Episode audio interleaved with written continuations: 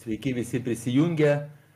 Ir šiandien mes trysia, šiandien mes kartu su psichologomis Eglė Adomavičiūtė ir Kotrina Mikalauskaitė kalbame apie problemą, kuri paliečia labai dėlę dalį šeimų. Mes kalbam apie priklausomybę nuo alkoholio, kalbam apie pačius priklausomus nuo alkoholio žmonės, kalbam apie jų artimuosius ir apie metodą, kuris yra pagrystas moksliniais tyrimais, apie metodą Kraft ir apie kitus metodus, kurie gali padėti šiuo atveju priklausomų nuo alkoholio žmonių artimiesiems ir taip netiesiogiai padėti patiems priklausomiems žmonėms. Tai dar kartą sveikinamės su visais. Ir aš noriu dabar klausti pas e, Eglę, kaip gyvena priklausomų nuo alkoholio žmonių artimieji.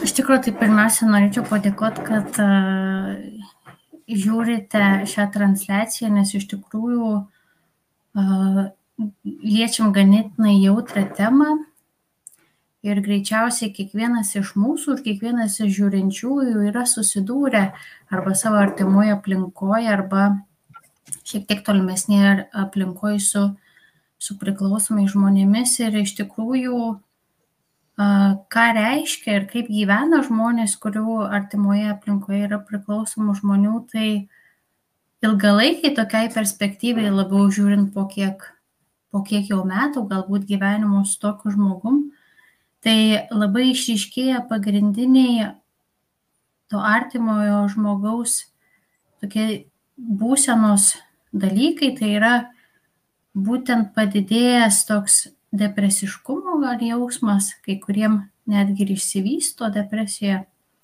nerimo sutrikimai, nuolatiniai tokia įtampa, savivertės jausmo netekimas ir daug tokio pykčio, ar galbūt netgi pavadint pagėžų susikaupusios ir stipriai sumažėjęs pastenkinimas gyvenimo kokybė. Tai turbūt tokie pagrindiniai aspektai, kuriuos išgyvena priklausomų žmonių artimieji. Mhm. Dėkui labai, Eglė, ir kreipiuosi į Kotryną kaip būtent paveikia va tos žmonės, kad taip jiem vystosi. Aš manau, kad ten daug visokių dar jausmų atsiranda, prieštaringų labai jausmų, ambivalentiškų ir taip toliau. Kodėl būtent priklausomų nuo alkoholių žmonių artimiesiems tai vystosi?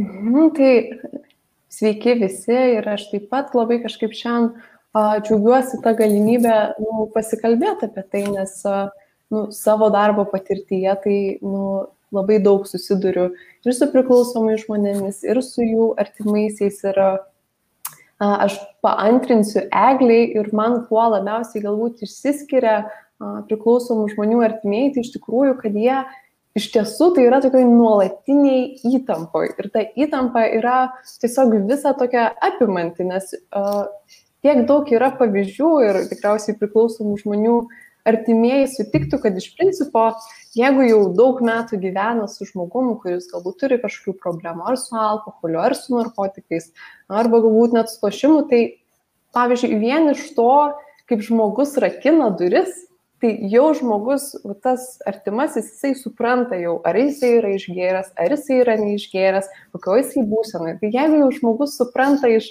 to judesio kažkokio, aš jau net nekalbu apie skambutį kažkokį, kad nu, telefonu supranta žmogus, a, tai reiškia, ant kiek žmogus yra tokioj nuolatiniai stebėjimo būsenui, kad jis nuolatos yra tiesiog a, maksimaliai susitelkęs, stebi ir žiūri situaciją. Ir tai a, be abejonės nu, turi įtakos netgi ne tik nu, tokiai psichologiniai geroviai ir nerimui ir depresiškumui, tai netgi su tokiais fiziniais simptomais galų gale gali būti susiję. Tai tas poveikis tai yra labai didelis ir, pavyzdžiui, netgi jeigu žmogus, nu, tas artimasis periodais vartoja ir nevartoja ir būna ilgesnis periodas, kad nevartoja, tai nereiškia, kad artimieji vis tiek atsipalaiduoja, tam tikrą prasme irgi toliau stebi, kas vyksta, laukia, ar čia vėl pasikartos ar nepasikartos, nes iš principo tai, na, problema tai nu, labai daug yra tokia paliečianti. Tai jau net nekalbant apie tai, kad didėja smurto tikimybė šeimoje, gali būti kažkoks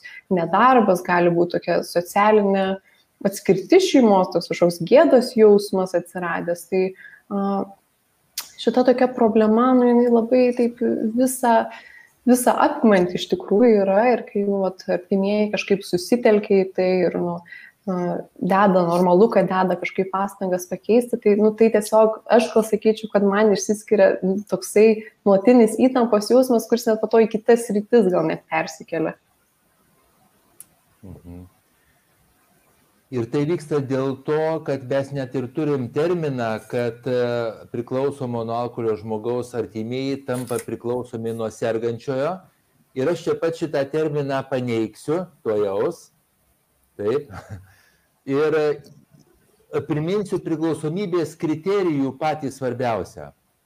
Kad žmogus vartoja alkoholį nepaisydamas labai drastiškų pasiekmių jam, jo gyvenimui, jo fiziniai būkliai, visai aplinkai, viskam. Jis vis tiek tęsia savo alkoholio vartojimą, nepaisdamas labai neigiamų pasiekmių. Ir, ir aš manau, kad per šios dienos mūsų darbą mums reikia nuolat grįžti prie šito termino, nes tas žodis pasiekmės irgi labai svarbios. Ir, ir dabar pasakysiu gana drastiškai ir net baisiai, ir kai kam iš jūsų nepatiks, kas mūsų klauso, bet žmonės tampa priklausomi ne nuo sergančiojo, o nuo jo vartojamo alkoholio ir nuo to alkoholio pasiekmių. Nes to sergančiojo ten beveik jau nebūna kartais. Ten nebūna savasties tokios jau sveikosios. Ir daugum artimųjų bendrauja ne su sveikaja savastim, to vadinamo sergančio, bet su jo lyguista dalimi. Ir jau matau piktų ženklus. Čia, čia labai jau reiškia. Bet kai mes tai suprasim, kai artimieji tai supras ir tai žinos, jie tada nepalaikys tų demoniškos pusės arba demoniškų galių nes jie gelbėdami savo artimąjį, mokėdami už jo pasiekmes visom prasmėm ir tiesiogiai ir netiesiogiai jie skatina priklausomybę. Jie skatina alkoholio vartojimą. Ir čia dabar visa šio laukinių priklausomybių teorija remiasi tuo. Tai dabar aš atlikau tam tikrą provokaciją šiokią tokią ir dabar kviečiu jūs pasakyti, nežinau, Eglė gal pradžiai. Jo, gal, gal iš tikrųjų ta, ta provokacija, paprastesniais žodžiais tariant, tai jūs iš tikrųjų teisingai Juliau pasakėt, kad esmė tame, kad priklausomo žmogaus artimasis iš tos visos būsenos ir noro padėti pradeda tam priklausomam žmogui kabutėse kenkt. Tai yra, kad jisai tampa to priklausomo žmogaus vartojimo įkaitu, tai yra elgesio įkaitu ir bando visais būdais ištraukti iš jo problemų. Tai reiškia, gaunasi kas? Artimasis žmogus, traukdamas priklausomą asmenį iš jo problemų, iš tam tikrų vartojimo pasiekmių, apdovanoja jo vartojimą. Tai realiai toks užburtas ratas ir gaunasi, tai kad truputėlį sumažinti, paaiškinti galbūt jūsų tą provokaciją, tai yra šitas, kad didžiausia problema yra, kad iš to noro padėti gaunasi, kad artimasis paskatina dar daugiau klimti į tai. Ir čia tai galbūt net. Mhm, taip galbūt paprastas yra visiškai pavyzdys, ne, tai vyras, ten, nežinau, visą savaitgalį gėrė ir ant rytojos, ant pirmadienį jautėsi taip prastai, kad, nu, neišėjo į darbą, ten vemė, blogą ar taip toliau. Ir jo žmona iš to noro jam padėti skambina į darbą, pateisinti jį kažkaip, kad jisai e, serga neša sriubytę ant rytojaus, kad tik tai jam kuo, geriau, kuo greičiau pagerėtų. Tai yra, jinai apdovanoja šaunuolis, kad taip ilgiaisi čia perkaltinė prasme. Taip. Kotrina? Taip, tai aš nu, galėčiau ir nu, pritarti egliai, bet ką aš gal norėčiau nu, tokio atspindėti, kad tai, nu, vat, kaip vadina žmonės, sako, ko priklausomas kažkoks tas žmogus ar panašiai.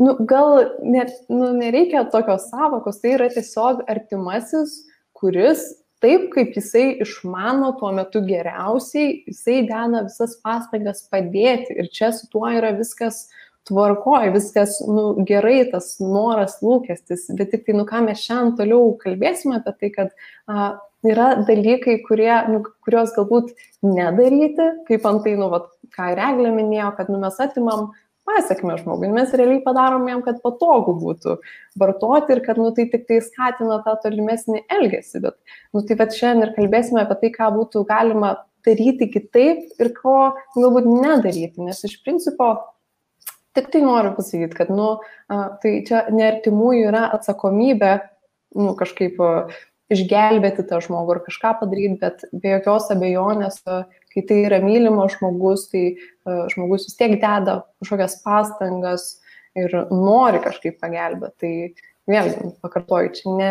ne, ne kažkaip, ne kažką žmogus blogai daro, bet tiesiog yra tam tikri elementai, ko reikėtų gal daryti ir ko reikėtų vengti.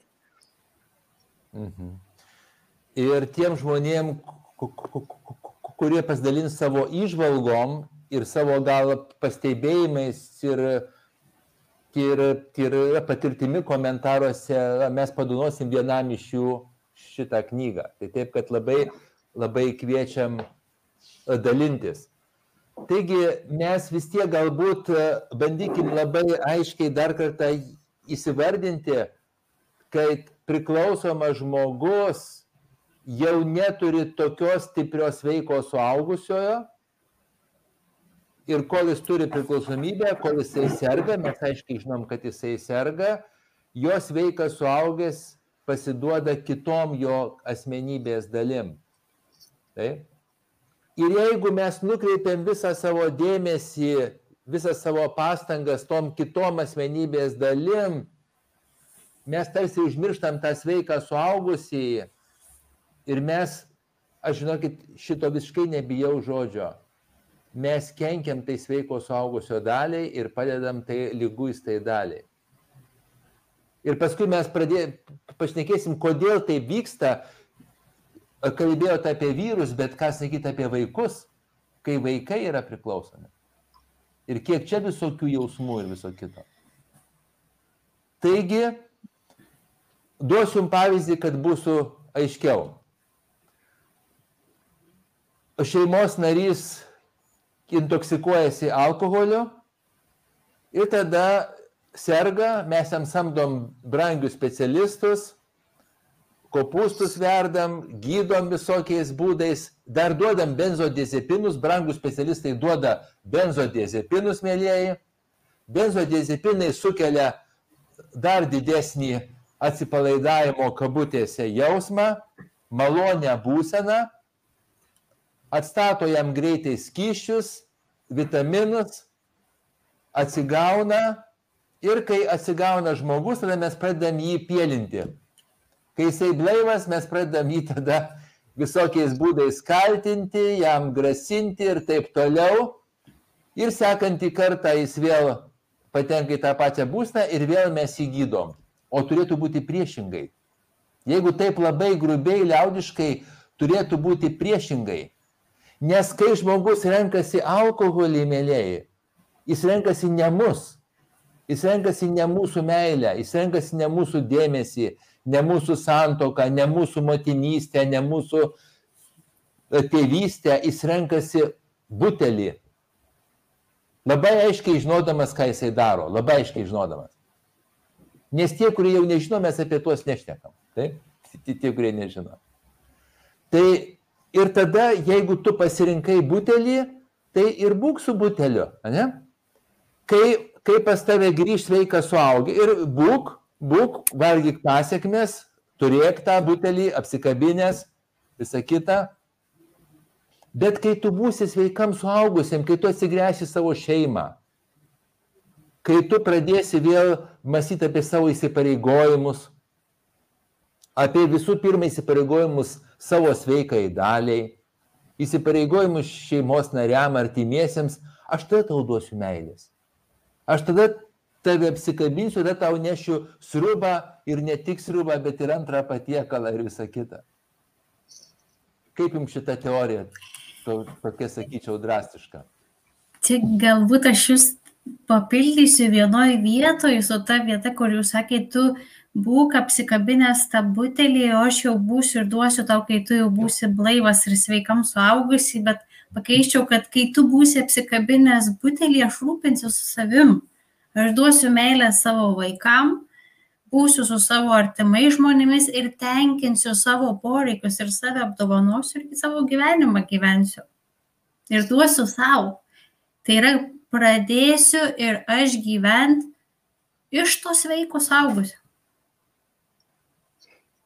Taip, ir aš gal paantrinsiu čia pat, čia pat egliai, kad iš tiesų, nu, vad ką labai dažnai numatau savo darbo patirtie, kad, nu, vad žmogus, kol jisai vartoja, tai nieks, nu, kažkaip jam per daug nepriekaištauja, galbūt nelenda, ten padaro valgyti, ten, nu, kažkaip apsirūpina, bet kai vat išsiblaivo, tai vat tada prasideda, nu, vat kaltinimai ir panašiai, ir, nu, nes, nu, logiška, nu, norėtųsi, kad tuo metu išgirstų mane, kad, nu, vat girdėtų, kaip mane skaudina ir panašiai, bet kas finale gaunasi, tai gaunasi tiesiog tai, kai tik žmogus išsiblaivo, jam, nu, padarom tokią blogą situaciją, kada jam, aiškiai, neapsimoka jam būti blaiviam, dėl to, kad, nu, kai jisai neblaivas, tai, nu, tai viskas, ta niekas nelenda. Tai va tada gaunasi, kad tas toksai ką mums reikia daryti, tai mums reikia skatinti tą blaivų žmogaus elgesį. Galbūt jį paskatinti nu, kažkokias veiklas veikti, kur seniau veikdom kartu, kažkaip pakviesti daryti kažką, nes iš principo, kas nu, nepadeda, tai tokia socialinė izolacija žmogui, kai mes jį visiškai nuo jo atsitraukiam, ignoruojam, nebekreipiam dėmesio, nes tai labai toksai skudus išgyvenimas žmogui. Bet jeigu mes jį kviečiam, skatinam tą jo sveiką suaugusio dalį, tą blaivę dalį, tą tokį blaivų elgesį, tai mes nuskatinam tą elgesį kartotis tiesiog. Taip. Taigi, gal vėl grįžtam prie artimųjų ir, ir grįžtam prie labai svarbios e, temos, labai kankinančios tuos artimuosius ir, ir skatinančius juos taip disfunkciškai elgtis ir, ir kenkti savo sergantiems, sergantiems šeimos nariams. Ir aš čia įvardinčiau daug labai svarbių dalykų, kaip pavyzdžiui, kaip pavyzdžiui gailestis kaip pavyzdžiui kaltė, kaltės jausmas. Ir priklausomi nuo alkoholio ir priklausomi nuo kitų cheminių medžiagų ir elgesio žmonės yra meistriškai mokantys sukelti kaltę savo artimiesiems. Ir mes žinom, kad vienas iš priklausomų nuo alkoholio žmogaus elgesio yra specialiai išprovokuoti konfliktą, kad užtrenkti duris ir išeiti gerti. Ir čia yra labai teisėta priežastis pasigerti. Jie meistriškai moka sumanipuliuoti mūsų jausmais ir emocijomis ir kalties jausmu. Nes mes visi truputį esam kalti, mėlyjei, savo artimiesiems. Ar sutinkat? Ar, ar kas nors yra šventasis, kuris nieko nekaltas savo artimajam, nieko nepadarė, nieko nepagalvojo, visada padėjo tik, tik, tik tai. Ir niekada nebuvo silpnas. Ir būtent kokie dar jausmai jūsų nuomonė nerimas, baimė dėl artimojo, baimė prarasti, galim sakyti, žema savivertė, nes jeigu aš turiu, neslepia artimieji savo, savo artimojo problemą dėl to, kad gėda, sutinkat, gėda turėti priklausomą žmogų. Ir ta visa masė šitų jausmų, į būtent ir formuoja tą galim sakyti, neteisingą santykį su, su sergančiu žmogu. Gal kažkas iš jūsų? Mhm, tai jūs ganėtinai taip tiksliai į, įvardinot, kad kame yra didelė problema, kad pats santykius artimojo ir priklausomo žmogaus pradeda sirgti. Ir tiek priklausomam žmogui, bet nu, dabar mes daug, apie juos per daug nešnekam, bet tiek tam artimam kyla daug įvairiausių emocijų ir kas vyksta, tai kad automatiškai tos emocijos pradeda lemti jų tam tikrą elgesį nukreiptą į priklausomą asmenį. Tai yra pravardžiavimai, ne, va, ta, toks, nežinau, kaltinimai, kažkokie prašymai, maldavimai, verkimas ir taip toliau, toks bejėgiškumo neskleidimas. Ir į ką labai labai svarbu atkreipdėmėsi, kad net ir jeigu artimas žmogus ir yra tas trigeris, tai yra tas, kas paskatino kitą žmogų, ten tarkim, prisigert, bet tai, nėra, tai vis tiek nėra artimojo žmogaus atsakomybė, tai jau yra to priklausomo žmogaus reakcija į, į kažkokį trigerį. Tai nėra jūsų atsakomybė, jūs netidarot jam burnos ir nepilat. Jisai pats tą daro. Tai toks pagrindinis yra labai labai svarbus dalykas suvokti sveiką atsakomybę, mano atsakomybę, artimojo ir to žmogaus atsakomybę. Ir iš tikro, hm, sakykit. Taip, ne. Mhm. Tai Taip. E, aš dar norėčiau truputėlį pasakyti, kad ta metodika, apie kurią mes kalbėsim ir visas va šitas elgesys, apie kurį dabar kalbam, tai kad nuimti nuo klausančių žmonių tokią kažkokią galbūt įtampą ar tai pyktį, kad tai nėra jūsų, jūs nesat blogi ar kalti dėl to, kaip elgėtės. Tai yra tiesiog taip išmoksta ir išmok, jūs taip išmokot ir nežinot kitų būdų, kaip būtų galima daryti kitaip, kad padaryti ir įtaką ir pačiam tam priklausomam žmogui, bet ir jum patiem pradėti geriau jaustis ir pradėti gyventi savo gyvenimą. Ir kas svarbiausia, tas pokytis elgesio ne tik keičia du asmenius, bet ir padaro sveikesnį santykį. Mhm. Kotrina, kažką mhm. dar pridėtumėt? Taip, taip, nes iš principo vat ir kaip davėte pavyzdžius apie tai, kad nu, vat, žmogus nu, gali pats provokuoti kažkaip konfliktus, kad tai jam tarsi būtų pasiteisinimas eiti vartot, kad čia jūs mane visi supykdėt, visi kalti. Tai iš tokios patirties dirbant su priklausomis asmenim, tai tos priežastys, dėl ko galima įgerti, yra man buvo bloga nuotaika, liūdna, susipikau, man buvo gera nuotaika, pasisekė kažkas. Tai reiškia, nu tai bet kas gali atsitikti, kas teoriškai būtų tas paskatinimas eiti prie vartojimo. Ir man labai iš tikrųjų patiko, kaip nu, Eglė minėjai, kad tai jokių būdų tas žmogaus elgesys nėra atsakomybė to žmogaus, nu, to artimojo, jeigu kad ir tai buvo trigeris. Tai vad, ką dar galbūt dar norėčiau paminėti, tai ką mes toliau kalbėsime, tai apie tą tokią komunikaciją, santyki šeimoje, nes iš principo vienas iš tokių to kraft metodų, apie kurį toliau plačiau papasakosim, esminis elementas yra toks komunikacijos mokymas, nes kol nėra kažkokios nu, komunikacijos, tol nepavyks kažkokių tokių pokyčių padaryti, nepavyks kažkaip paskatinti, kreipti, gydytis, kol kol yra labai daug nuoskaudų, nu, neįmanoma praktiškai pokalbio turėti be kažkokio susitikimo, tai vat, e, pirmas čia irgi labai svarbus dalykas yra kažkaip uh, tą santykių, santykių šiek tiek pakeisti. Tai primenu, mėlyjei, kad mes šiandien kalbam apie priklausomų nuo alkoholių žmonių artimuosius ir kalbam apie moksliniais tyrimais pagrįstą metodiką, kuri vadinasi angliškai trumpintai CRAFT. Ir grupė Lietuvos specialistų, uh, jie mokėsi šito metodo, labai labai struktūriškai mokėsi ir šiuo metu dar mokosi. Ir jie, ir jie praėjo paskaitas ir seminarus ir eina dabar superviziją, šitą metodą taiko praktiškai ir tas metodas yra veiksmingas ir įrodytas tyrimais. Tai koks tai metodas? Gal dabar jūs galite pristatyti, kokie ypatumai e, šį metodą daro veiksmingų tokiu? Nu, taip pat apskritai, tai vat, ta kraft toksai trumpinys nuganėtinai patogus, tai išrado, a, toksai sukūrė Robertas Myersas iš Amerikos ir a, jisai šią programą sukūrė, pastebėjęs, kad iš tikrųjų artimieji turi didelį poveikį nu, žmogaus motivacijai ir pasirinkimui eiti gydytis. Ir programa nu, yra tokia sudaryta iš tokių trijų dalių, jinai iš principo turi tokius tris tikslus. Tai pirmas tikslas yra a, tai padėti artimajam paskatinti tą priklausomą žmogų kažkur kreiptis pagalbos. Bet visą tai darant tokiu būdu, kad kažkaip neaukoti savęs ir nu, savo ribų asmeninę peržengti.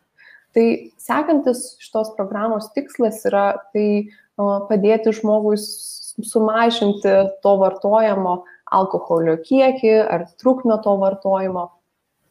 Ir galutinis tikslas yra a, tai padėti pačiam artimajui ar artimajam žmogui didinti savo kažkokią psichologinę gerovę, a, gerinti gyvenimo kokybę, nepaisant to, ar galų gale po programos žmogus, tas artimasis, dėl kurio kreipiasi, kreipsis pagalbos kažkur pas specialistus.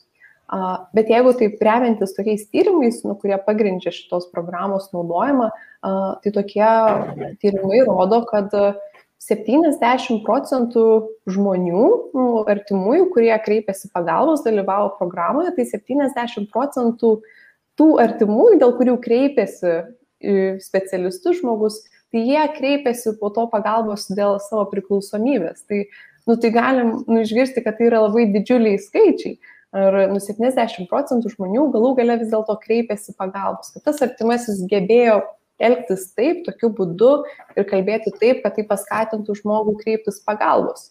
Ir galų gale, net jeigu nebuvo pasiektas būtent šis tikslas, tai tyrimai taip pat parodė, kad uh, tie žmonės, kurie konsultavosi, kurie dirbo, jų emocinė gerovė pagerėjo bet kokiu atveju. Tai, nu, tai man atrodo labai toksai stiprus pagrindas, kodėl kodėl vertėtų išbandyti šitą programą tiem žmonėm, kuriem aktualu. Mhm. Dėkui labai, Eglė, dar norėtum pridėti apie patį metodą ir paskui mes eisim prie visų tų dalių jo. Jo, tai galbūt šiek tiek, kad, nu taip užtvirtinti, tai pagrindinis tikslas motivuoti artimą į kreiptis pagalbos, priklausomą žmogų kreiptis pagalbos. Uh, paskatinti sumažinti jo galbūt vartojimo arba elgesio dažnumą ir kiekį. Ir trečias dalykas - padėti pačiam artimajam jaustis geriau ir pradėti gyventi savo tokį gyvenimą kokybišką. Ir aplinka visas metodas sukasi, lyginant galbūt su kitais metodais, buvo daug tyrimų ir su kitais metodais, kurie lygino, tai kuo šitas metodas įsiskiria, tai yra įsigalinimu Mes dirbam su žmogum, su artimuoju, keičiam jo elgesį taip, kad jisai jaustųsi įsigalinęs, kad gali keisti, gali daryti įtaką ir ne, ne viskas priklauso nuo to priklausomo asmens elgesio. Mhm. Ir aš noriu priminti visiems žiūrintiems, kad alkoholį arba svaigalų žmonės vartoja dėl to, kad jie nori atsitraukti nuo realybės. Ir jie vadina tai atsipalaidavimu, kas visiškai nėra joks atsipalaidavimas. Tai yra priešingai, yra, yra grimzdimas į problemas. Ir kai žmogus atsitraukia nuo problemų, jų daugėja vienas dalykas, Antras dalykas, jis praranda kompetenciją šitas problemas spręsti ir tada dar daugiau nori atsitraukti. Ir dėl to mes turim vienintelį dalyką labai aiškiai savo įsisamonti, kad padėti, jeigu mums nesisekė padėti šitam žmogui, kurį tai laiką, ir mes taikėm visas priemonės, kokias tik tai galima. Ir tai nesuveikė tai reiškia, kad padėti gali žmonės daugiau kompetitingi negu aš ir tai reiškia, kad specialistai. Taip. Ir, ir tas pirmas punktas yra labai svarbus. Mes turim nuolat ir nuolat kartoti priklausomam žmogui, kad tau gali padėti specialistai. Ir žinoti, kad jis juos nuvertins, kad jis nueis kartais pas, pas kažkokį tai specialistą tam, kad pasakytų, kad jam netinka, kad jisai atras daugybę argumentų, dėl ko jis yra kažkoks tai pranašesnis ar kažkoks tai ir jam netinka tie metodai arba jam neveikia.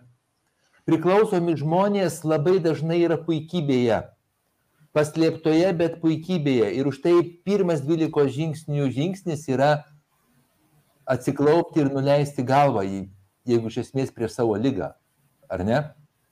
Yra atsakyti savo puikybės ir pasakyti savo labai aiškiai, kad aš sergu, aš pripažįstu savo problemą. Ir artimieji irgi gali atsakyti puikybės ir pripažinti savo ribas, kad jie neturi kompetencijų padėti taip sunkiai sergančiam žmogui nes daugumas jų dar stengiasi ir stengiasi, ieško visų galimybių ir mano, kad jie turi šitas galės, bet iš tikrųjų neturi. Ir kai sergantis žmogus, jisai matys ir pripažins, kad jis, kad jis negali pats susitvarkyti su tuo. Ir jisai girdės iš artimo žmogaus, kad jis irgi neturi kompetencijų susitvarkyti Ir tada gali tai paskatinti kreiptis pas tos žmonės, kurie šitą moka. Čia jų darbas yra toks. Aha. Gal Mhm, kažką šiek tiek- tai pirmą žingsnį arba eikim į antrą žingsnį jau. Galbūt e, toks, eikime galbūt prie tos būtent e, krafto programos, kaip, kaip, kaip viskas vyksta ir kokie yra galimi žingsniai. Tik tai dar prieš pradedant galbūt įėjimą į tuos žingsnius norėčiau paminėti tą tokią krafto filosofiją. Krafto visa filosofija sukasi labiau aplink tokį prieimimą, pozityvą ir paskatinimą, palaikymą to artimojo žmogaus. Ir kraftas yra nuėmęs tą visą, kaip ir galbūt kituose negydymuose yra tie terminai ko priklausomybė arba priklausomybė nuo priklausomo žmogaus. Tai kraftas yra šitą visą nuėmęs dėl to, kad taip artimieji elgesi, nes tiesiog myli ir jiems svarbus tas artimas žmogus. Nepaisant to, kad jisai pri- priklausomas, bet jie iš tikrųjų myli, numyli ir savo vaikus, kad ir pa- paaugliai, ne, irgi gi turi problemų. Tai myli ir savo paauglius ir kad ir koks tas žmogus yra, jų juos myli. Tai čia tokia va, ta, šiek tiek krafto visa ta filosofija, kad tai vyksta šiek tiek kita atmosfera pačio darbo yra šiek tiek kitokia, neįimas labiau į, į tą tokią tragediją, bet įimas, o kaip sprendžiam, darom, nes visas kraftas yra, yra remtas kognityvinė realė ir elgesio terapija kognityviniais modeliais. Ir e, principas realiai aplink ką viskas sukasi yra pagrindinis, kad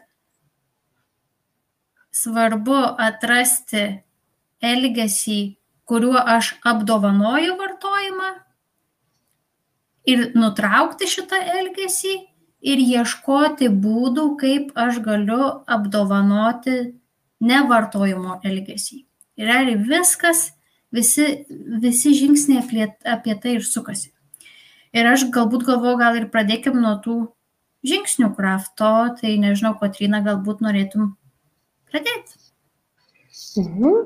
A, taip, tai a, pirmas žingsnis, nu, jeigu žmogus a, nusprendžia kreiptis į programą, tai, na, žinoma, visų pirma, tai yra supažindinama, kas tai yra apskritai per programą ir kas, kokie žingsniai, kokie tikslai, ką mes nusimatom pasiekti, ką reikia daryti, ko reikia nedaryti.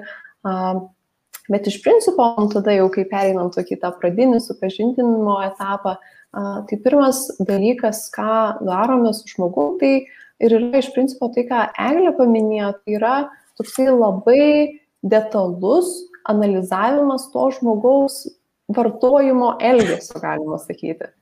Labai detaliai išanalizuojame, kas, kur, kaip, kada, kokie dalykai skatina tai, kokios yra ilgalaikės pasiekmes ir kokios yra trumpalaikės teigiamos pasiekmes, kokios yra ilgalaikės neigiamos pasiekmes.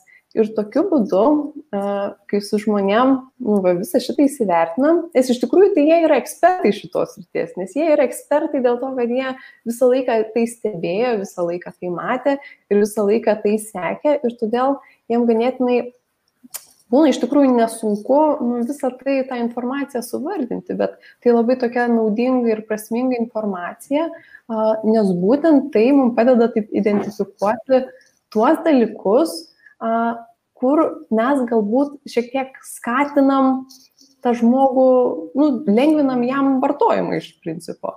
Ir lengvinam vartojimą ir tada identifikuoti tuos dalykus, kur nu, mes neskatinam to tokio sveiko suaugusio elgesio. Tai čia tas pats pirmas žingsnis yra tokia analizė ir žinoma, dar vienas toksai pagrindas viso šito, tai yra mums įsitikinti, kad žmogus yra saugus, kad iš tikrųjų situacija namuose yra saugi, ar yra kažkokių tai pavojų, ar yra kažkokių tai rizikų, nes jeigu jų yra, tai dar prieš visą šitą, ką aš ką tik paminėjau, tai mums būtina yra tiesiog visų pirma sudaryti tokį saugumo planą, apgalvoti, kaip apskritai taikyti visas tas tolimesnės technikas tokiu būdu, kad tas žmogus, kuris nu, deda pastangas, kuris stengiasi, kad jisai būtų kiek įmanoma saugus, jaustųsi neperženginti savo ribų ir kad tai nu, būtų būtų tiesiog jam tinkamas metodas tokiu būdu. Tai taip, tai vat, pirmi žingsniai tai įsitikinti, kad yra saugu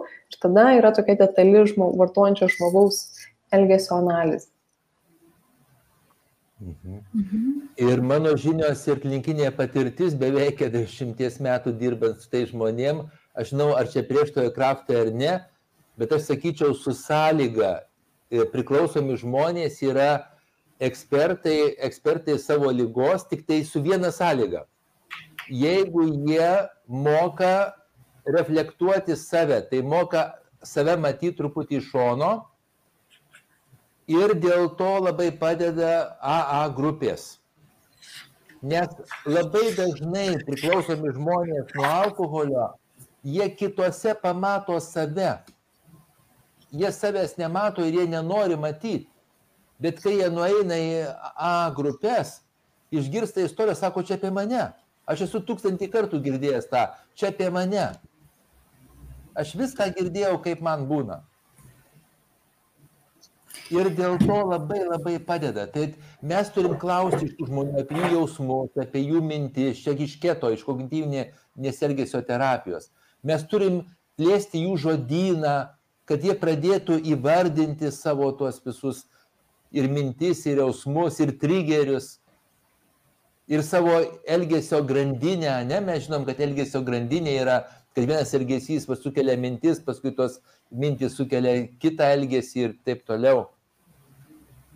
Tai va čia labai svarbus momentas. Ar, ar Kraftas tą akcentuoja, tą tokį mokė, mokymą žmogaus atspindėti savo e, gyvenimą tarsi iš šono? Turbūt e,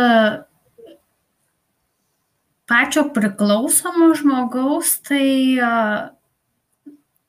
nelabai čia turbūt kalbam jau jeigu pats priklausomas žmogus kreipiasi tam tikros pagalbos ir jeigu tarkim į kognityvinės ir elgesio terapijos nes aš asmeniškai su priklausomais dirbu pagal kognityvinę ir elgesio terapiją, tai tada mes, nu, aš kaip specialistas moku ir mes mokomės.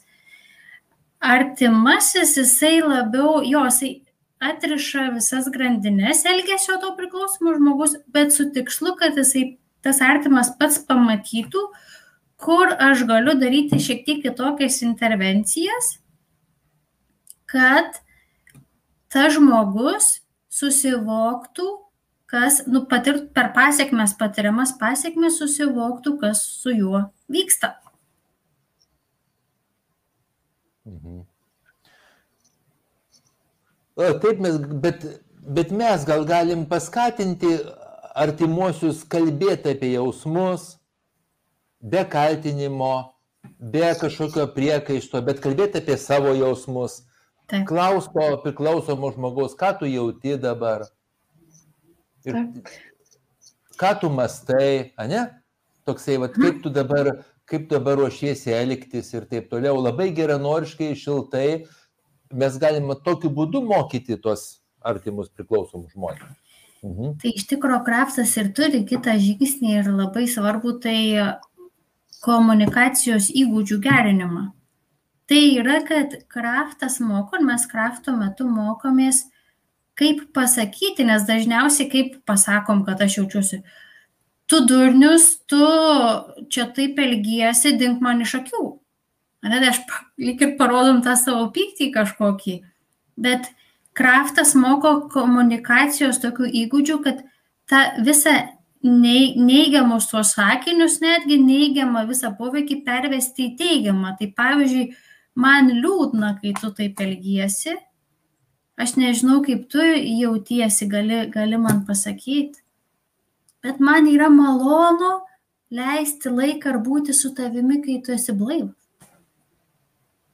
Ne kad nusto gert, man malonu, kai tu esi blaivas.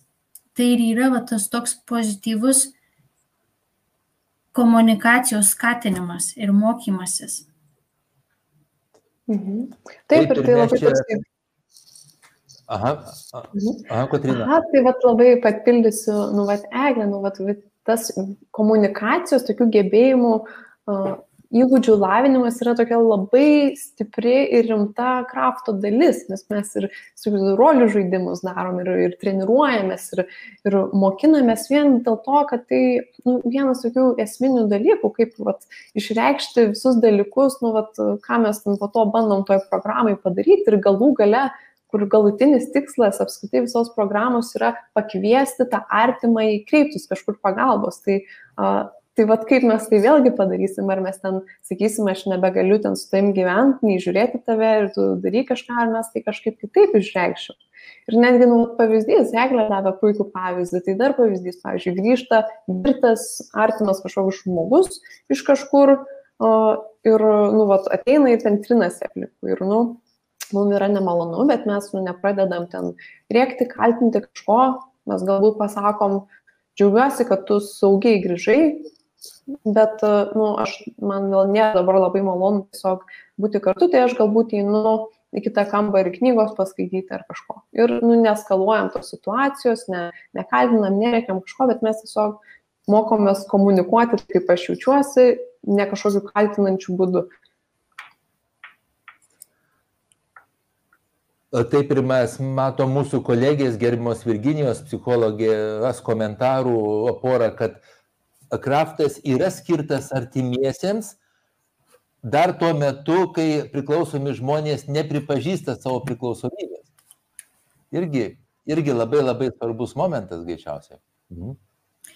Kraftas yra skirtas netgi jeigu ir nepripažįsta, net jeigu ir pripažįsta ir netgi jau ir tuo momentu, jeigu artimasis yra gydymosi įstaigoje, arba netgi jau buvęs ir atkritęs ir kartojasi atkryčiai, kraftas yra visuose etapuose galimas.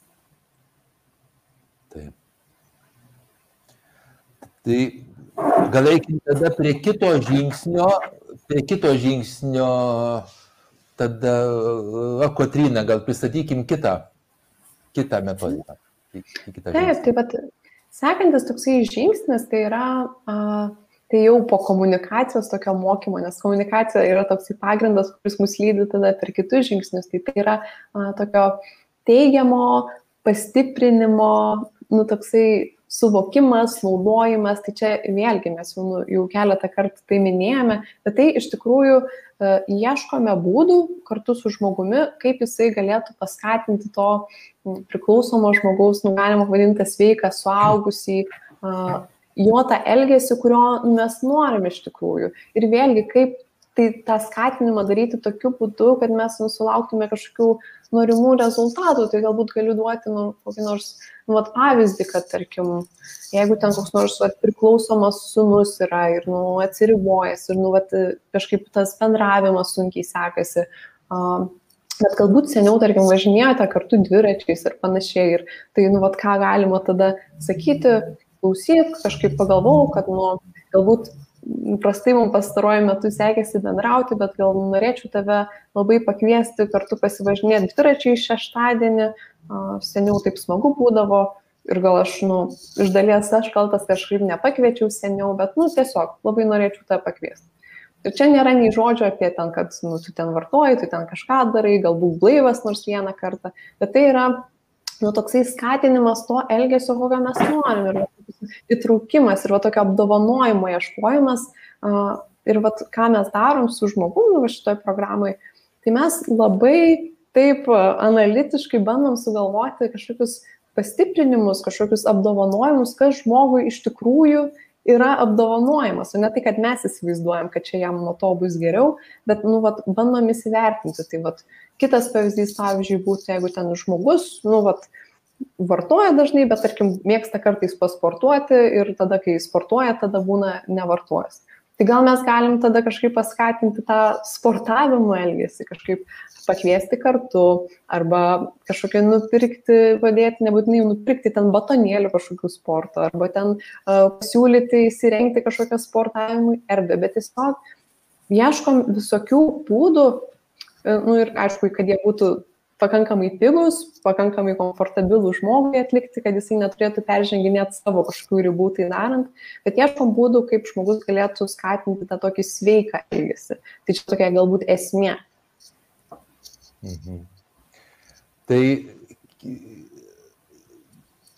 kiek laiko trunka konsultacijos, bet kiek reikia artimam žmogui konsultacijų jūsų, kad jisai gautų kažkokių tai įgūdžių, žinių ir galėtų jau būti, būti kompetitingas, kompetitingas elgtis su savo artimu priklausomu žmogumu.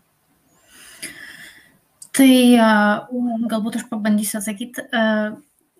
Šiaip dažniausiai trunka iki 12 sesijų, bet gali tas ilgumas varijuoti. Ir realiai mes po to pirmo tokio, po pirmos analizės jau pradedam dėkti namų darbus ir, ir bandymus naujo elgesio. Tai realiai tas pokytis toks prasideda, bandymai prasideda iš karto, tik svarbu suvokti, kad kai daug metų tęsiasi tas pats jūsų elgesys, nėra taip lengva ir paprasta ir pakeisti ir iš karto gauti nuostabius rezultatus. Tai yra, kad svarbu suvokti, kad tai reikalauja kantrybės ir tai gali nu kažkiek užtrukti. Šiaip moksliniai tyrimai rodo, kad uh, maždaug po penkių sesijų uh, artimasis jau gali pamatyti langus, tokius vadinamus, kur jau gali paskatinti tą priklausomą žmogų kreiptis pagalbos. Tai maždaug tiek trunka, iki 12 sesijų, bet gali būti ir ilgiau. Dėkui labai ir mes matom, kad nesiūlomas sąrašas specialistų, kur, kurie dirba šitoj programai ir kiek aš žinau, tai jūs esat jau tos vyresnės specialistės, kurios paskui taps ten supervizoriam ir taip toliau. Tai jeigu mes patartumėm mūsų žiūrovams, ką reikėtų daryti, toks nu, patarimai labai labai preliminarūs, jie labai labai bendri, mes negalim patarti atskirų atvejų, bet ką mes galim daryti su priklausomu žmogum artimu ir ko reikėtų nedaryti. Jokių būdų. Mhm. O, tai Kotryna. Ne, Kotryna, tai buvo atsakymas. Visi labai norim atsakyti. Tai, uh, gerai, tai vad gal, jeigu taip apibendrintai, aišku, labai gerai jūs, Juliu, paminėjote, kad čia yra, nu, tokie labai bendri mūsų atsakymai vien dėl to, kad kai, nu, vat, ateina konkretus žmogus į programą ir mes konkrečiai dirbam, tai tai yra labai smulku ir labai labai konkretu, kad tai padaryti kiek įmanoma žmogui, kad lengviau tai daryti, bet jeigu tai bendrai paėmusi, ko, nu, gerai, ko nedaryti nu tai nezysti, nekaltinti, nerėkti, visų pirma, ne, neskatinti to kažkokio, nepadėti žmogui vartoti ir, nu, vat, ką tai galbūt reiškia, tai a, netimti elgesio pasiekmių. Nu, bet jau Eglės transliacijos pradžioje minėjo šitą dalyką, kad a, jeigu ten nu, prisidirbo su kažkas, nu, ten tas artimasis, ten nu, su, susipyko su kažkuo, ar ten kažkam kažkokia žalos gal padarė, ten kokiam nors turtui ar kažką, nu, nepulti dabar šito viso taisyti, nes nu, tada gaunasi, kad žmogui nu, iš viso pasaka tada vartoti ir, ir dar visi beleko prisicirkina ir tada dar visi viską sutvarko. Uh, tai vad ko nedaryti, tai uh, tai ne, netimti pasiekmių. Aišku, aš suprantu, kad čia yra sudėtingas toks dalykas ir nu, ne visada gal pritaikomas, jeigu nu, yra labai tokios rimtos pasmės, kad žmogus praras darbą ir, ir panašiai, ir jeigu tai šeimai yra labai nu, toksai svarbus dalykas, tai čia nėra taip paprasta, bet iš principo labai mums ir programos metu būna svarbu pagalvoti, kur yra tos pasiekmes, kur galim leisti, kad žmogui atsitiktų, kad jis galų galiau pats būtų atsakingas, atsakingas už savo elgesį. Tai čia gal apie tai, ko, nu, vat nedaryti, nežinau, gal eglio galėtų papildyti ar kažką. Jo, tai galbūt jeigu apibendrinant, tai ko nedaryti, tai neapdovanoti vartojimo elgesio ir klausimas, kaip tą padaryti, nes, nu, lengva pasakyti, neapdovanok, bet kaip tą padaryti, tai pavyzdžiui, jeigu vyras grįžta namo ir tam kiekvieną vakarą geria alų, jūs norit turėti vakarienę, neskanę, tai galbūt, kai jisai grįžta pavartojęs ar išgėręs arba ten užsidaro ir toliau eina gerti, tai tiesiog nueiti ir pasakyti, kad žinai, man labai nemalonu, kai, kai tu taip elgėsi, aš tikrai labai labai noriu su tavim pavakariniauti ir turėti smagų laiką, mūsų bendravimo laiką, bet kadangi tu pasirinkai dabar vartoti ir aš tau pirmą kartą tą sakau ir toliau pradėsiu sakyti, kadangi tu pasirinkai vartojimą, aš einu, nežinau, su draugėm į kiną arba einu su savo kitais artimais žmonėms susitikti. Tai yra duoti pasiekmes, jis iš karto gauna vartojai, prašau pasiekmės tokios. Ir kitas dalykas, ką daryti, apdovanoti nevartojimo elgesį, nes kas tada vyksta.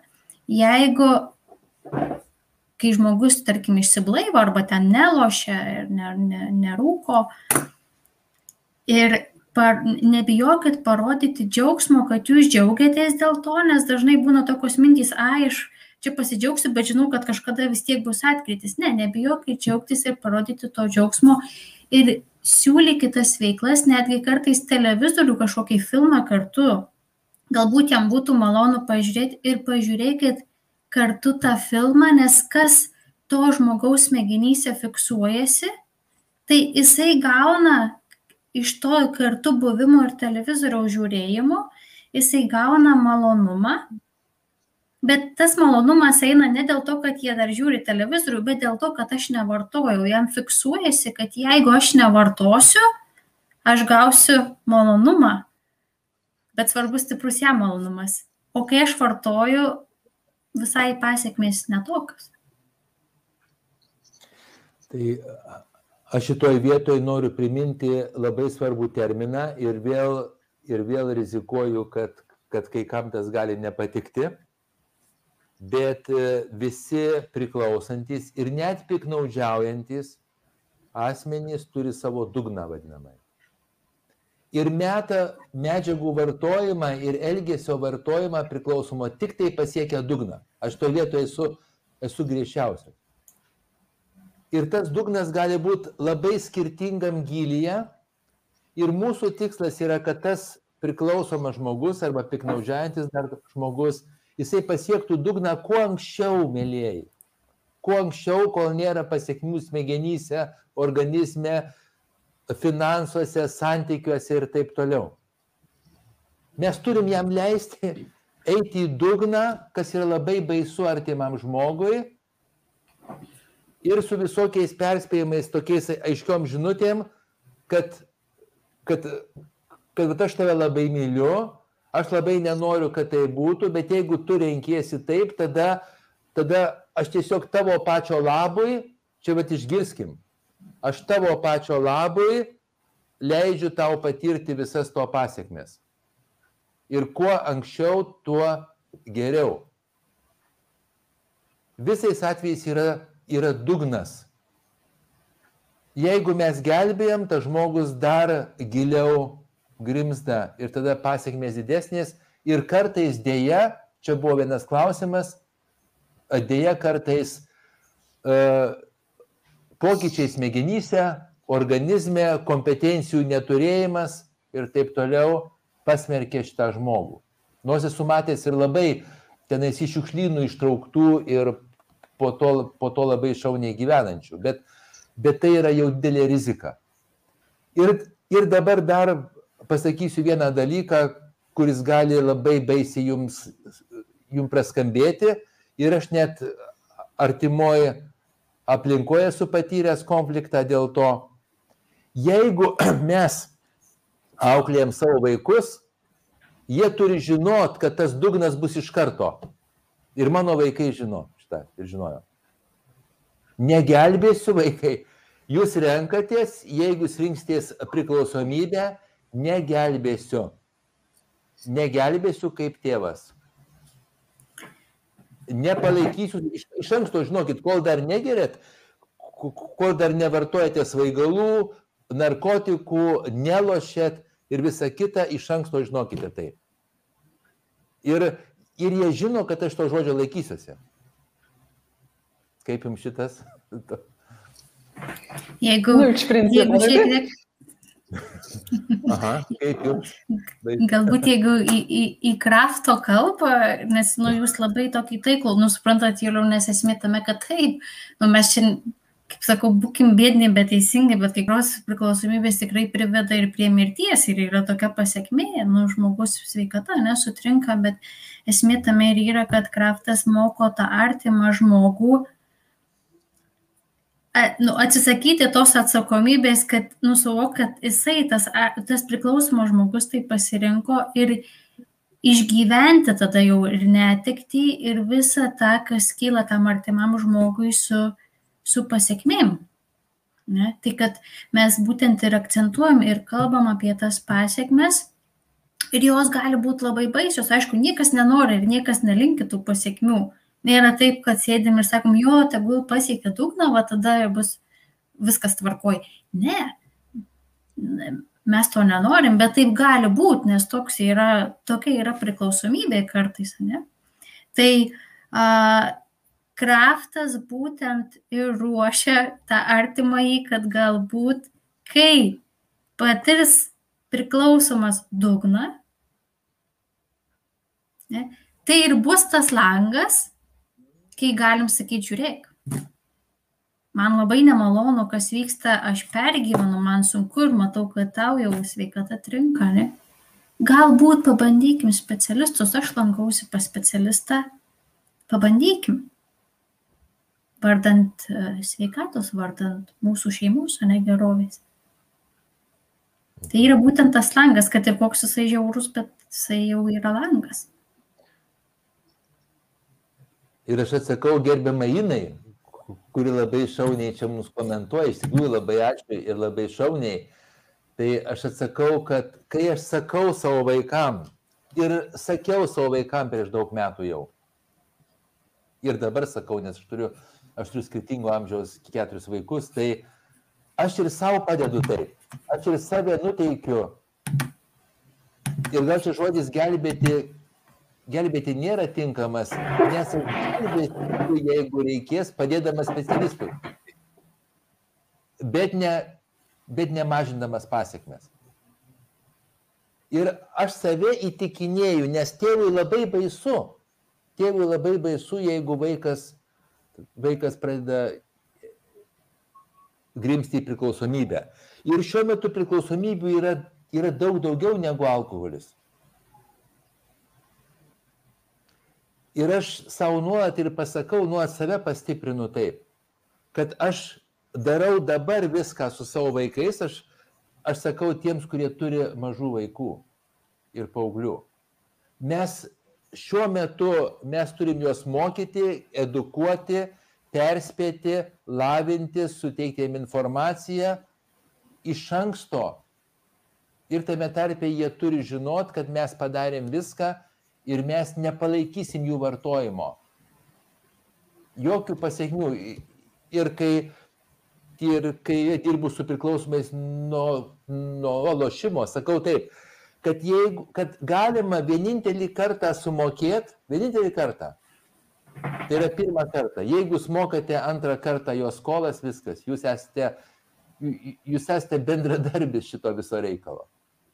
Tai. Čia labai labai lyguisas dalykas. Tikrai nepaturiu niekad šitaip elgtis.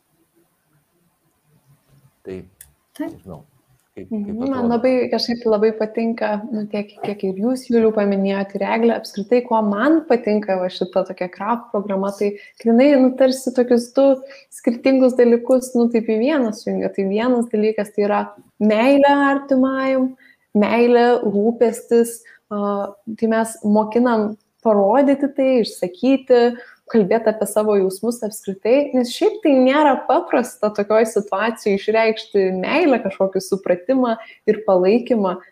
Iš viso nu, būna sunku mylėti kažkokį priklausomą žmogų, bet tai nu, labai vienas esminių dalykų, kas nu, motivuoja žmogų apskritai keistis, bet, bet tuo pačiu metu ir su tą meilę mes mokinam ir nu, nebūtų bendradarbių, kaip jūs minėjot, nebūtų bendradarbių toje lygoje, nepadėti žmogui gramzdinti savęs, nes, nu, kiek ir aš dirbu ten su programomis, kas ir narkotikus vartoja ir panašiai, kad artimieji, nu, prasideda abstinencija ir duoda pinigų dar nusipirkti, nes po to bus labai bloga. Nu tai, nu, tai taip, bendradarbiavimas tiesiog yra. Ir taip pat šita programa, nu, man atrodo, šitus du tokius subtilius ir esminius dalykus, nu, taip apjungia į vieną. Ir šitoje vietoje aš vėl noriu labai labai aiškiai pasakyti, kad mes mylim žmogų. Mes labai mylim tą jo sveikąją dalį, tą savo vyrą, tą sveikąją jo dalį, tą savo sūnų ar savo dukrą, nežinau, savo tėvą ar dar kažką tai. Ir iš meilės tai sveikai daliai mes nepadedam jo lyguistai daliai, tiem demonam. Čia labai svarbus dalykas. Nes jeigu mes padedam demonam, mes tada nemylim mūsų artimojo. Ar tas, ar tas jums atrodo nu, kažkaip tai racionalu? Taip, nu, mes tiesiog nuraminam savo tokį nerimą, įtampą, nepatogumą tame ir jeigu mes padedam, bet nu, tik tiek ir padarom, kad save kažkaip tą akimirką ir save ir nu, situaciją praminam. Ir mes būtent gelbėdami savo artimai, tą sveiką jo dalį, gelbėdami, mes negelbėjom lyguistos dalies. Jau viskas, jau aš pasakiau tikrai labai aiškiai tą savo, tą savo įsitikinimą. Mhm. Mhm. Egle, gal mes galime eiti dabar prie artimųjų, kaip padėti savo artimiesiems, kaip išlikti toj kontroversijoje ir sunkumuose duota. Tai aš jau kaip tik ir norėjau grįžti prie to ir pereiti, kad kitas uh, toks didžia, nu, irgi didelis labai žingsnis, tai yra a, būtent koncentracija į patį artimąjį, į jo gyvenimo kokybės gerinimą. Tai a, yra naudojama tam tikra metodika, bet realiai pats artimasis įsivertina, kiek jisai yra patenkintas savo emocinę būseną, kiek finansais, kiek socialiniais socialiniais įvairiausiais ryšiais, kiek yra atsitraukęs, kiek patenkintas savo darbu ir taip toliau. Šitoj vietoj mes šiek tiek atitraukiam ir nekalbam apie priklausomą asmenį, mes jau orientuojamės į artimąjį ir mes detaliai peržvelgiam jo pasitenkinimą įvairiausiom sritim ir mažai žingsneliais žiūrim, kaip būtų galima tą pagerinti. Emocinė būsena, ne, depresišką nuotaiką, nerimą, įtampą, pyktį, kaip tvarkyti su tuo, kaip atkurti galbūt arba kurti naujus socialinius ryšius, nes žinom, kad dažnai artimieji būna izoliavęs ir atsitraukę nuo, nuo aplinkinių, nes visi spaudžia, tai tu jį paliktai, tai jisai toks, tai jisai, noks, tai jisai penktoks, o artimasis dar nežinau, ką toliau nedaryti. Tai realiai mes darom įvairiausias intervencijas, dažniausiai per elgesį, bet aišku priklauso, jeigu terapeutas dar yra uh, turi tam tikrų kitų technikų, tai e, moko, kaip netvarkyti su stresu ir su savo emocijom, tai realiai toks skatina jį įsigalinti, atpažinti ir tenkinti savo poreikius iš sveiko suaugusio. Keisti savo elgesį su pačiu savim, ne? eiti susitikti su žmonėm, nepaisant to, kad artimasis ten gali eiti lošti arba prisigerti. Ne? Galbūt siekti kažkokiu kompetencijų, kad galėtų darbo kokybę gerinti, mokytis tvarkyti su savo finansais, kiek aš ten galiu duoti tam savo artimam, kiek negaliu duoti, kiek, kad, kad pats jausčiausi nestabilus, tai praplečia visą tą spektrą ir dirba su, pat, su pačiu artimuoju ir kas tada vyksta, tada natūraliai pradeda gerėti ir nuotaika, ir pasitenkinimas gyvenimo kokybė. Nu, mes jį truputėlį išvedam, kaip ir mokom būti tuo sveiku, suaugusiu ir pačiam. Mhm. Aš gal dar pridėsiu tik vieną dalyką, nes ką Eglė labai puikiai apibendrino, nu visą tai, nu, kaip, kaip padėti artimajam savo pačiam, bet vien jau tai, kai dalyvauja žmogus programai ir susideda savo tokius, galima sakyti, punktus, ką jis darys, ko nedarys, kaip jam reikėtų elgtis, tai jam jau nuo to realiai būna palengvėjimas, nes jam atsiranda iškumo, kaip toj situacijoje tvarkytis, nes šiaip jau ateina žmonės ir labai suprantama, kodėl labai pasimetę ateina, jie nebežino nei ko griebtis ir kai jie kažkaip nu, mes aptariam ir tos punktus ir ką daryti ir pastiprinam jų pačių tas pastangas, tai jiem jau čia tokia biški nuo pečių našta nukrenta ir atsiranda tiesiog iškumo ir pajėgumo į savo tada gyvenimą jau kažkaip koncentruotis. Ir vėl pasakysiu aštrų labai dalyką. Ir, ir vėl gali būti kai kam nepatikti, bet aš tą mačiau daugybę kartų, daugybę kartų savo praktikoje ir man buvo labai liūdna, buvo labai pikta, bet tai vyksta. Žmona gelbėja savo vyrą 10-15 metų, 20, užmiršta save, tampa auka ir psichologiškai, ir fiziškai, ir išoriškai, ir visaip. Vyras meta gerti, ir pameta šitą žmoną. Daugybę kartų esu matęs, nes jinai nemoka gyventi be to gelbėjimo savo vyro, o vyras nuėjęs į puikybę, kad jisai, mat, kad jisai, kad jisai metė gerti, anksčiau prisigerdavo, po to atsiprašinėdavo, po to vėl prisigerdavo, vėl atsiprašinėdavo ir tas visas toks ciklas ir jis pradeda gyventi blaivų gyvenimą, pradeda matyti blaiviom akim ir kitas moteris, ir visa kita, ir kitas galimybės, o, o jo žmona yra aukos roliai. Ir man labai būdavo gaila, iš tikrųjų labai labai gaila šitų, šitų moterų, labai. Ir, ir tą patį esu matęs ir su mamom, ir net ir su tėčiais. Mes turim tam tikrą prasme parodyti pavyzdį savo artimam priklausom žmogui, kaip mes galim pasirūpinti savimi. Ir mes turim neprarasti savo formos, mėlyjei, neprarasti savo sveikatos dėl kito žmogaus lygos, neprarasti savo finansų. Ir kartais, kartais tai gali jums atrodyti labai baisu, kartais labai padeda išlipti iš kestančio laivo. Ir tada tas laivas, gal tas kapitonas, tas mūsų artimas žmogus, priklausomas kartais tai jį paskatina tvarkytis, bet kartais ir nepaskatina, kartais laivas ir nuskesta, bet mes liekam. Bet esu matęs daug, kai laivas skesta ir su savim nusineša dar visą šeimą. Ir visų pirma vaikus. Ir dar vieną dalyką, kai kalbam, kad aš žinau, ar Kraftas daug su tuo dirba, bet man teko daug dirbti gyvenime. Kai, kai šeimoje yra priklausomas žmogus, yra vaikai, ir pavyzdžiui žmona nesiskiria su priklausomu vyru, atspėkite iš trijų kartų dėl ko. Dėl vaikų, tai. tai aš sakau, jūs rodote pavyzdį, jūs rodote daugybę labai negatyvių pavyzdžių. Tai vienas, kad reikia gerti, kad jeigu tu vyras, tai visas problemas reikia spręsti gėrimu. Susipikai, su kuo reikia spręsti gėrimu, kas nors sunku reikia gerti, kas nors e, ten e, džiaugsminga reikia gerti ir mes mokom vaikus taip elgtis. Tai viena. Antra, mes mokom, kad alkoholis yra visagalis ir aš esu bejėgis prieš alkoholį. Trečia, mes mokom, kad aš esu, kad aš esu bejėgė prieš tokią situaciją, prieš vyrą.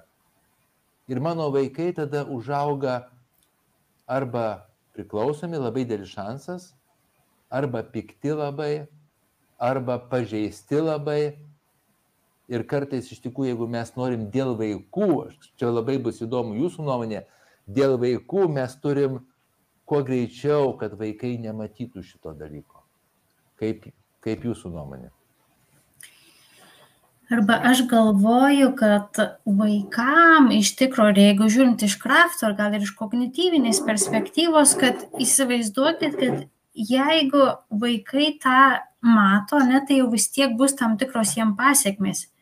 Bet įsivaizduokit, jeigu jisai pradeda matyti tą mamą stiprėjančią, kad galima gyventi, galima tenkinti savo poreikius, nereikia kažkam kažko aukotis, nereikia ten prašyti, maldauti ir, ir pykti ir taip toliau, bet kad mama stiprėja ir jie mato pavyzdį. Bet kokiu atveju jie mato pavyzdį, kuris, kuris vaikams turės teigiamos įtakos. Ir netgi čia net ir buvo klausimas kažkaip apie palikimą ir išėjimą iš šeimos. Ir netgi ir krafto metu, jeigu prieinama prie to, ar artimasis prieina, kad viskas, nu aš išbandžiau viską ir, ir, turiu, tarkim, skirtis ir palikti tą žmogų. Ir tai galbūt jau yra geriausias sprendimas, bet tada koks tas žmogus išeina? Jisai gali išeiti bejėgis, nusivylęs, finansiškai nestabilus, pametęs save ir galbūt turintis depresiją, nerimą ir taip toliau. Arba jisai gali išeiti sveiku žmogum, sveiku suaugusiu tiksliau, ne, stipriu, kad tai buvo mano sprendimas, sąmoningai priimtas, nes žinau, kad viską padariau. Ir viską galbūt padariau teisingai, kiek buvo įmanoma suvokti.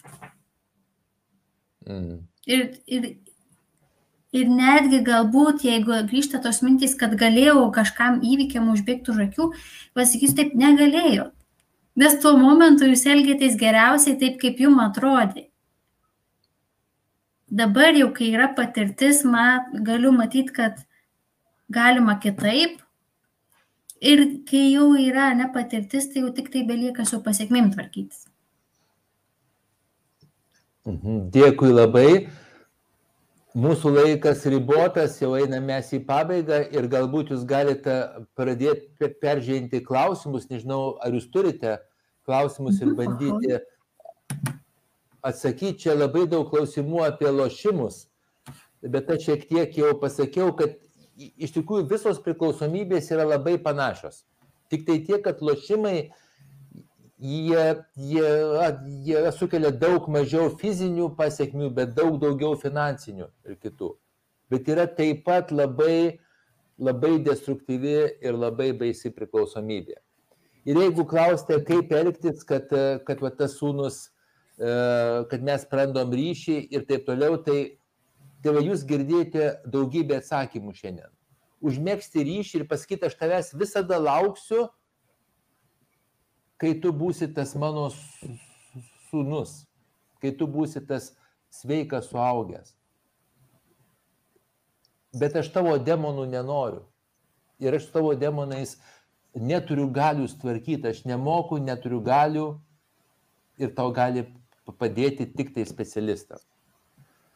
Tai, tai gal dabar jūs matote klausimus, ar, ar matote kažkokius, tai, mhm. kuriuos galime atsakyti? Mhm. Tai vat, nu, vat, mačiau tą vieną klausimą apie tai, kaip padėti žmogui, kuris pagalbos nepriima. Ir, nu, vat, čia nu, labai mes ką tik ir apie tai išnekėjom iš tikrųjų, bet, nu, vat, yra suprantamas kartais tas dalykas, kai vat, žmonės nutempia gumą, laukia, gal čia dar kažkas pasikeis, nes, nu, iš tikrųjų būna tų įvairiausių situacijų, jeigu ten žmogus per vienu metu turėjo problemą, susitvarkė su jie ir, nu, toliau kitaip gyveno, bet jeigu tai yra nuolat pasikartojanti tokia problema, kartais artimieji, nu, vat, jau prisiema atsakomybę už ją ir kad, nu, vat, man, jeigu aš čia pakankamai kažkokį nerealų salto padarysiu, pakankamai čia kažką genialaus išrašysiu, gal tada, nu, pavyks tam artimajam išsi, išsivaduoti. Tai čia, nu, vėl atsiriamėm į tos tokius momentus, kad mes iš pradžių pažiūrim į tai, ką mes nu, galim padaryti, Ir tada, nu, jau tada tolimesni sprendimai yra apie tai, nu, kas iš tikrųjų yra geriausia man, mano vaikam, mano saugumui apskritai.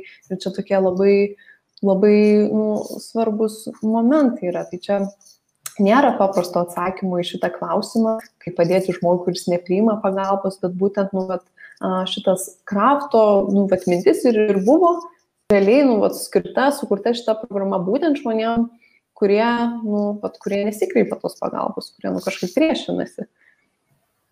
Taip, taip. Tai absoliučiai visas kraftas yra tam skirtas, už tai mes apie tai ir kalbam.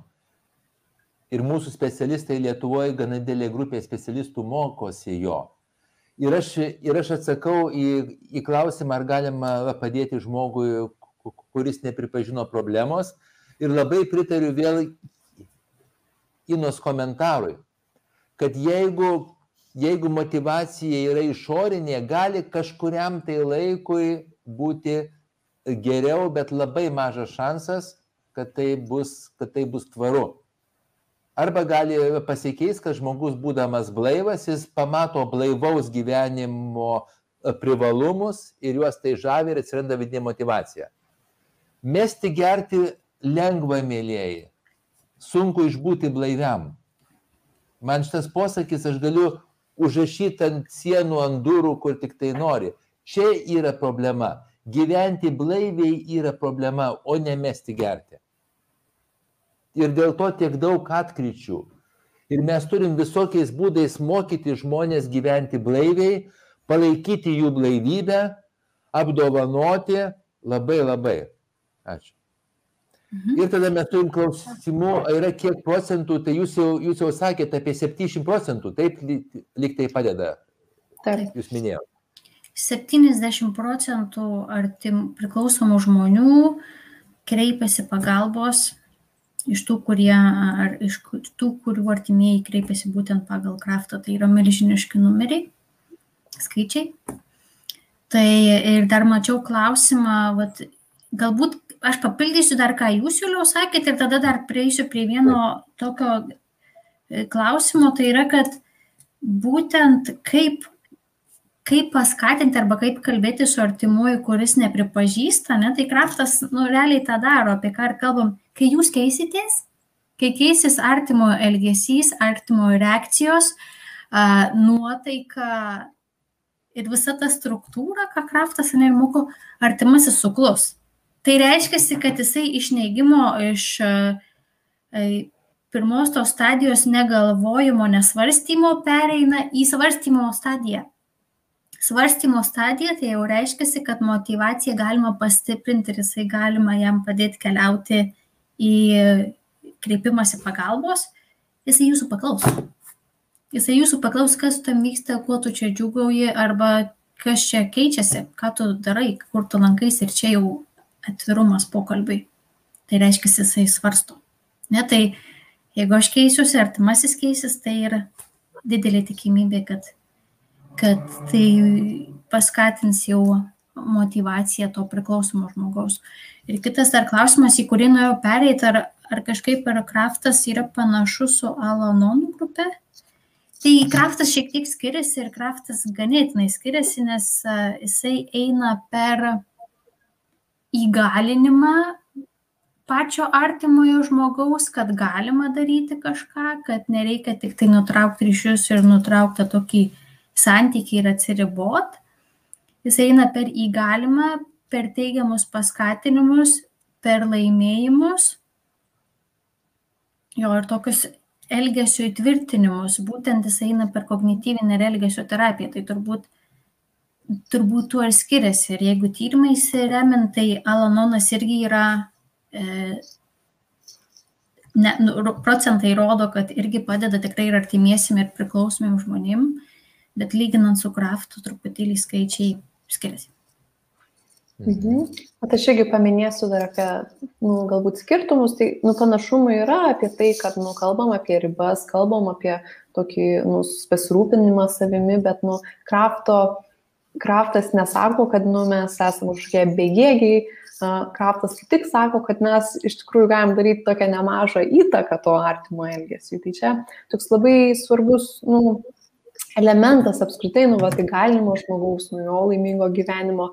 Ir tada dar noriu atsakyti iš karto, bet į klausimą buvo apie tai, nu, kiek trunka programa, tai aš tiesiog noriu, vat, konkrečiai galbūt pasakyti, kad programa tyrimuose jos veiksmingumas buvo matuojamas 12 sesijų. Tai apskritai yra nu, 12 sesijų, bet priklausomai nuo žmogaus situacijos jų gali būti mažiau arba daugiau. Ir kokios yra rekomendacijos, kad žmogus nuėtųsi kiekvieną savaitę į, į tas konsultacijas ir kad dirbtų taip nusekliai, būtų analizuojama, kalbama. Ir dar paminėsiu vieną tokį galbūt svarbų dalyką šitoje programoje. Šitoje programoje iš principo nu, jinai gali padėti nu, bet kokiam artimajam, kurio artimas žmogus yra priklausomas, bet efektyviausiai šita programa veikia tiem žmonėm, kurie turi ganėtinai tokį artimą kontaktą su tuo priklausomu žmogum.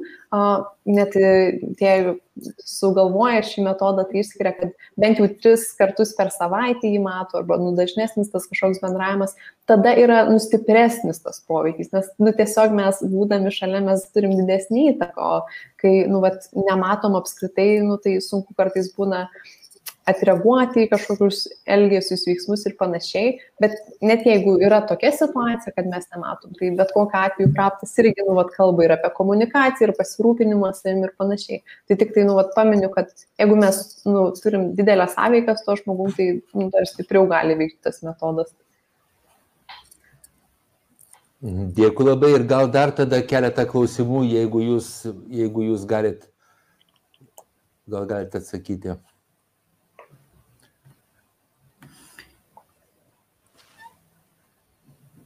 Mhm. Čia buvo klausimas, ar tai, kad myli, išlaisvina nuo priklausomybės.